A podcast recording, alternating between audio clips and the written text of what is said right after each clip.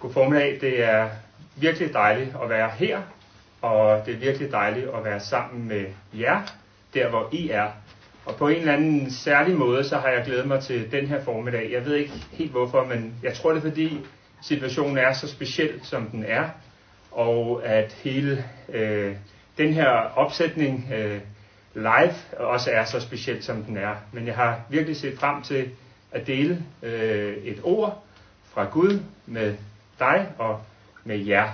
Øh, og jeg håber, at øh, vi sammen kan åbne vores hjerte for det, som øh, Gud har til os i dag. Og øh, da jeg kørte herud i morges, der var vejene endnu mere tomme, end de plejer at være. Og benzinprisen var nede på 9 kroner per liter. Så det er på alle måder en atypisk situation. Der er også nogen, der øh, har hjemmearbejde. Rigtig mange har hjemmearbejde. Der er nogen, der slet ikke har arbejde. Og så har jeg også snakket med en hel del, som har endnu mere arbejde, end de plejer at have. Både deres normale arbejde, passe børn, lave hjemmeskoling, lektier osv. Og nogen har også en masse øh, planer, der skal laves, nødplaner osv. osv. Og i, i sundhedsvæsenet er der også ekstremt meget arbejde. Så det er for alle, øh, uanset hvad for en situation vi er i, en meget speciel situation. Men det er rigtig, rigtig godt at være sammen. Og øh, vi har siddet to søndage, de to forgangne søndage, hjemme i vores stue, mig og Rita og vores fire børn, og vi har nyt at være med hver gang til de her gudstjenester. Det har været helt specielt, selvom vi også har savnet at være sammen her i kirken, så har det været virkelig specielt, en speciel stemning at være til, til de her netgudstjenester. Det er også derfor, tror jeg, jeg har glædet mig rigtig meget til at være her i dag. Og Jesus han inviterer os også til fællesskab. Og, og, og Jesus han var, da han var her på jorden, der var han på en eller anden måde også langt væk fra sin far, som var i himlen. På en måde kan man sige, at han var isoleret hernede. Og alligevel så var han helt tæt på sin far. Og på den måde der har han vist os øh, et eksempel på, at vi kan være tæt på Gud i himlen, selvom vi er langt væk fra ham. Og vi kan være tæt på Jesus, selvom han ikke fysisk er her på jorden sammen med os. Og det er det fællesskab, som vi kan træde ind i nu og kan være i øh, hver dag og hele tiden. Og det synes jeg er virkelig opmuntrende og virkelig dejligt. Um, så lad os prøve at træde ind foran Gud og sammen træde ind foran Gud og være sammen om det, vi skal, skal dele i dag. Jeg vil fortsætte en øh, gennemgang af Johannes evangeliet, som jeg har været i gang med i et stykke tid, hvor jeg er kommet til øh, kapitel 5, vers 18-30. Og inden at jeg læser øh, den her passage, den her tekst, så vil jeg lige forklare lidt om den forudgående historie, fordi det, den passage, vi skal kigge på i dag, den hænger sammen med det, det hændelsesforløb, der sker forud for, for den her passage. Og det, der er sket, inden Jesus siger det, vi skal læse i dag, det er, at øh, han er i Jerusalem under en af højtiderne, og øh, her der møder han en lang mand ved Bethesda Dam, og han øh, helbreder den her mand. Han øh, beder manden om at tage sin seng og gå hjem. Og øh, det sker alt sammen på øh, en sabbat, en af jøderne, på, på jødernes helligdag. Øhm, så sker der det, at øh, den her mand han kommer gående med sin seng under armen, og så møder han de jødiske ledere, det, det er de religiøse ledere i, i Jerusalem, som øh, straks øh, har et horn i siden på den her mand, fordi han går rundt med sin seng under armen på en sabbat, øh, på en helligdag, og det må man ikke. Man må ikke arbejde på den her helligdag. Så de brokker sig over, at han går rundt med sin seng, selvom han er blevet helbredt og har, har været lang i 38 år så er det det, de fokuserer på. Manden han forsvarer sig selv og siger, at det var Jesus, der sagde, at han skulle tage sin seng og gå hjem. Og så opsøger de jødiske ledere Jesus i stedet for og anklager ham. Nu kunne de ikke anklage manden, men de kan i stedet for anklage Jesus.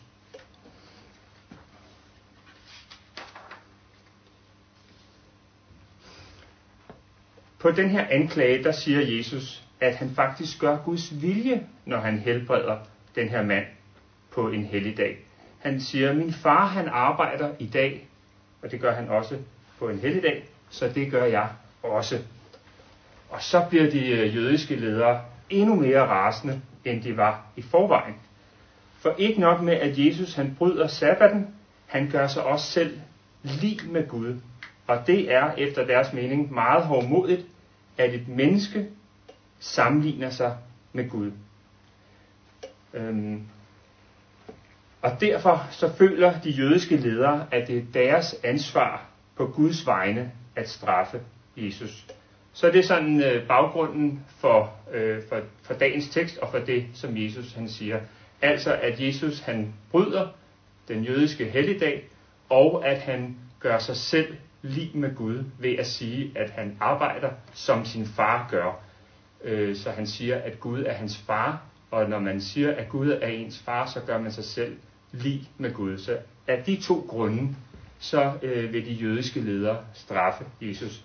Og til det svarer Jesus sådan her, som vi skal læse i dag. Fra Johannes kapitel 5, vers 19-30.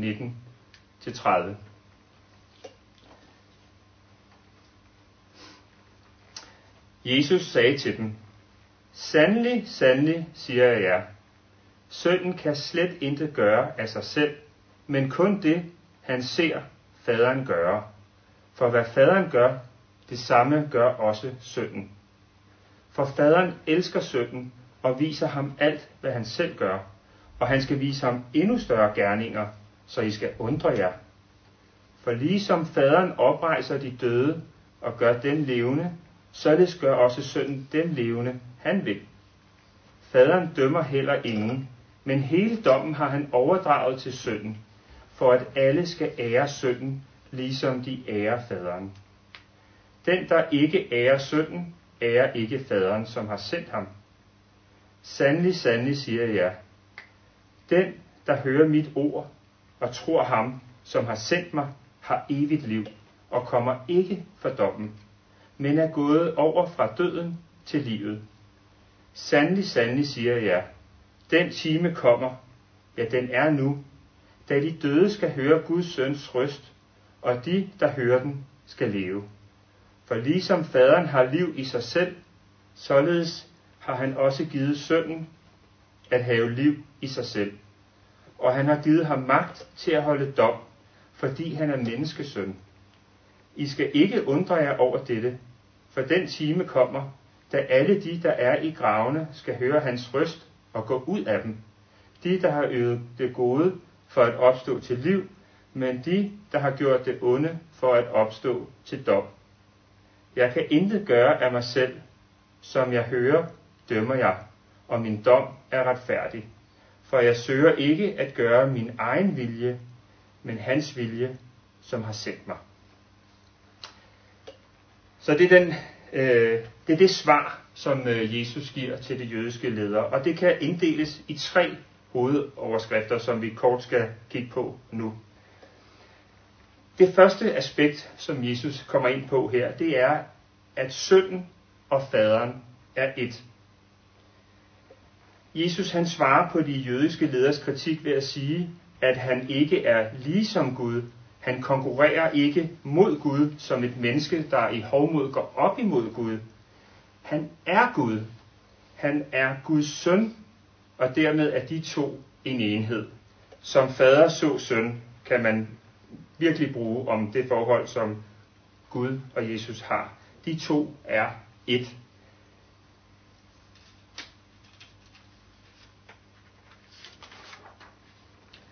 Og den her enhed, som Jesus han har med sin far i himlen, den er så stærk, at alle de handlinger, som Jesus gør, de er identiske med de handlinger, som Gud gør.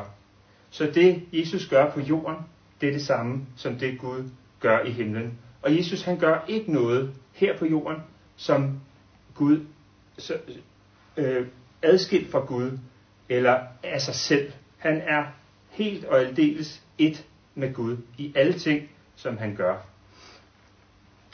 Så når de jødiske ledere de anklager Jesus for at helbrede på en helligdag, så anklager de faktisk Gud selv. For det Jesus gør, det er det samme som det Gud gør. Så går de op imod Jesus, så går de også op imod Gud. Og dermed er det ikke Jesus, men faktisk dem, der sætter sig op imod Gud. Så den anklage, de kommer med mod Jesus, den rammer tilbage på dem selv. Og det kan så gøre, at enten at de omvender sig til Gud for deres hovmod, deres egen hovmod, eller at de vedbliver med at være hovmodige. Det er deres valg. Og Jesus han siger også til os i dag, at vi skal gøre ligesom ham. Vi skal følge hans eksempel. Vi skal leve med Gud, ligesom Jesus lever med Gud. På samme måde som Jesus lever overgivet til Gud, på samme måde er det vores livsopgave at leve overgivet til Jesus. Og den her proces, den starter, når vi tager imod Jesus, og den fortsætter resten af livet. Når vi møder Jesus, så møder vi også vores egen tilkortkommenhed, vores egen egoisme, vores egen selvoptagethed. Og det er det, jeg vil kalde vores falske jeg. Men når vi møder Kristus, så ser, finder vi også vores nye personlighed i ham. Det, som Gud kan se i os. Vi sang også i lovsang før, at, at Gud han kender os til bunds, helt fra før vi blev født. Og den, det, som Gud kan se i os, den personlighed, som han gerne vil have frem i os, det er det, jeg vil kalde vores sande jeg. Så det at finde Kristus, det betyder også at finde mig selv, som jeg virkelig er. Og der er et paradoks her, fordi at det, at vi følger et andet menneske, det at vi følger Jesus, eller det at vi følger Gud, det betyder ikke, at vi mister os selv, men det betyder faktisk, at vi finder os selv og bliver os selv, som det var meningen, at vi skulle være. På samme måde er Jesus et eksempel for os på en, der lever 100% i Guds plan. Alle hans handlinger er identiske med Guds handlinger, og samtidig så lever han autentisk og ægte. Den anden del af Jesus svar handler om, at Jesus han har magt til at oprejse os fra døden. Jesus han har lige helbredt en mand, som har været lam i 38 år. Den her helbredelse, den virkede på forhånd fuldstændig umulig, hvis man kom forbi tilfældigvis og så den her lamme mand ligge ved dammen. Men Jesus han helbredte manden, og alle kunne se, at han gik omkring. Og Jesus han bruger den her helbredelse til at illustrere, at det som synes umuligt, det er faktisk muligt igennem Jesus. Så når vi tænker på døden, så tænker vi også, at vi kan have frygt for, at det er slut, når vi rammer døden. At der ikke er noget bagefter. Men med den her historie, der ønsker Jesus at sige til os, at han har magt til at rejse os op til nyt liv efter døden. Lige så umuligt som det kunne se ud for den her lamme mand, at han kunne komme til at gå igen. Lige så umuligt kan det se ud for os, at vi kan leve igen efter at vi er døde. Men det er faktisk det, Jesus siger til os. I min magt, der kan, øh, der kan I blive levende igen efter døden. Og det er den magt, han har fået fra Gud. Det er det, han siger i den her passage. Og det synes jeg er virkelig trostyrkende og virkelig dejligt at tænke på i den her krise og i andre kriser, som vi rammer i vores liv. Og så vil jeg også sige, at de gode nyheder, de stopper ikke med den her forsikring, som Jesus giver os. For Jesus han gør det helt klart, at det evige liv, det starter her og nu. Og der vil jeg lige citere en anden rigtig dejlig lovsang, hvor vi synger, Lige nu, lige her, kan jeg røre ved den levende Gud, evigheden. Og det er den gave, som Jesus giver os i dag, at vi lige nu kan forenes med Gud. Det er derfor, at Jesus kom til jorden til os, for at skabe det her fællesskab mellem mig og Gud.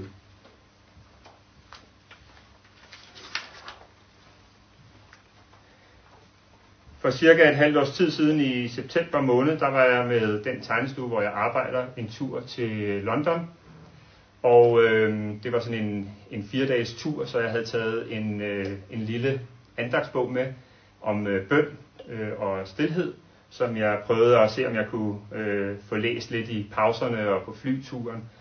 Og den her bog, den inspirerede mig utrolig meget, øh, og jeg så ligesom ind i, øh, et andet menneskes erfaring med at bede og være stille. Og jeg tænkte, der er et fantastisk liv gemt i den her øh, bøn og i den her stillhed, som jeg bliver nødt til øh, at få del i. Jeg bliver nødt til at øh, få det ind i min hverdag, og jeg bliver nødt til at få det prioriteret, sådan at jeg også kan få fat i, i det her liv, der er i, i den her i bøn og i stillhed. Så jeg besluttede mig for at tage 20 minutter hver dag i øh, bøn og stillhed, og det har jeg i, i, øh, i grove træk øh, efterlevet et, et halvt år nu. Og det har været virkelig dejligt øh, for mig at have den her øh, lille stund hver dag, hvor jeg kan søge ind i Guds nærhed og opleve, hvordan han taler til mig, opleve, hvordan han fylder på, og hvordan han er med til at øh, forme mig, og er med til at også at give mit liv retning. Og jeg vil virkelig opfordre af hele mit hjerte til, at du også finder tid øh, hver dag til at læse i Guds ord og bede til ham, sådan at øh, det fantastiske evige liv, der er i himlen, i en stund kan blive vores, og igennem den her stund øh, komme ind i vores liv og ind i vores hjerte, ind i vores erfaring, vores følelser, i hele vores personlighed, og derfra så begynde at kanalisere sig ud i, hvordan vi lever vores liv hver især. Øh, det her liv, som Jesus har til os, det er til rådighed for os, og invitationen er åben. Og øh, jeg synes, det er øh, virkelig, det har virkelig været øh, en opmuntring og dejligt for mig at, at prioritere den her tid. Så en stor opfordring til det også i, i din hverdag øh, og i dit liv. Det sidste, jeg vil øh, komme ind på i dag, det er, at øh, Jesus han også har magt til at dømme os. Så Jesus han har fået magt til at oprejse os for døden, fra døden, og han har også fået magt til at dømme os. Og det er et rigtig stort og også et svært spørgsmål for mange af os.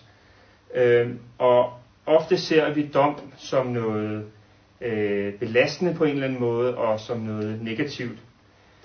Men jeg tror, at den livssituation, som vi er i, ofte spiller en afgørende rolle på vores syn på dom. Og, øhm, og for at illustrere det, så vil jeg fortælle en kort øh, lille historie. Min kone, hun har været besøgsven for en ældre bosnisk dame, som hedder Ifeta, i mange, mange år. Nu er hun død for nogle år siden. Men hun flygtede ud af Jugoslavien øh, under borgerkrigen i 90'erne og øh, hun kom til Danmark sammen med sin mor. Øh, resten af hendes familie blev spredt ud over hele verden. Men det var selvfølgelig en stor tragedie i hendes liv øh, at flygte, og også øh, at hendes familie blev spredt for alle vinde. Og hun, øh, hun var meget bitter på, øh, på det serbiske styre og på Milosevic, som præsidenten hed i 90'erne der, som, som stod bag den øh, borgerkrig. Øh, og det kom på et tidspunkt til, at han skulle dømmes. Øh, men inden han fik øh, sin dom, så døde han. Og min kone, hun øh, besøgte øh, Ifeta efterfølgende og spurgte, hvordan hun havde det med det hele. Og hun sagde, at hun var knust over, at han ikke nåede at få sin dom. For hun hungrede efter retfærdighed. Men hun trøstede sig med, at han vil få sin dom, når han engang skulle stå over for Gud. Der er mange mennesker i verden, som lever under andre kår end os. Der er mange mennesker, der lever under undertrykkelse, som lever under sult, som lever et liv, hvor de ikke har mulighed for at komme op. Øh, for mange mennesker, øh, som lever på en sådan måde, der er dom ikke så negativt, som det er for os. Der kan dom og det, at Gud dømmer engang. give dem håb og skabe retfærdighed. Og det er vigtigt, at vi har det aspekt med, når vi snakker om dom. Men hvad betyder dom for mig personligt? Hvad er det egentlig, jeg bliver dømt på? Og her synes jeg, det er virkelig dejligt at se i teksten, at den gør, Johannes gør det helt klart for os, at troen på Jesus betyder, at vi ikke bliver dømt. Når Gud skal dømme os, så ser han i stedet for på Jesus. for vi er blevet et med ham i troen. Og når Gud ser på Jesus, så kan han se, at han allerede er dømt og straffet. Det var det, der skete på korset. Men han er også opstået igen tre dage efter. Så dermed er vi dømt med Jesus, men vi er også opstået igen med Jesus. Så vi kan leve i Jesus, og vi kan leve frit og fri fra frygt om dom. Og det synes jeg er virkelig dejligt at tænke på. Så Jesus han giver svar til de jødiske ledere, men han giver også svar til os. Han siger til os, kom og følg mig og lev tæt på Gud, sådan som jeg gør det. Jeg har magt til at oprejse jer fra døden. Jeg havde magt til at rejse den her lamme mand op fra hans seng efter 38 år, og jeg har også magt til at rejse dig igen på den anden side af døden til nyt liv sammen med mig. Og du kommer ikke for dommen, for jeg har allerede taget straffen, siger Jesus. Amen.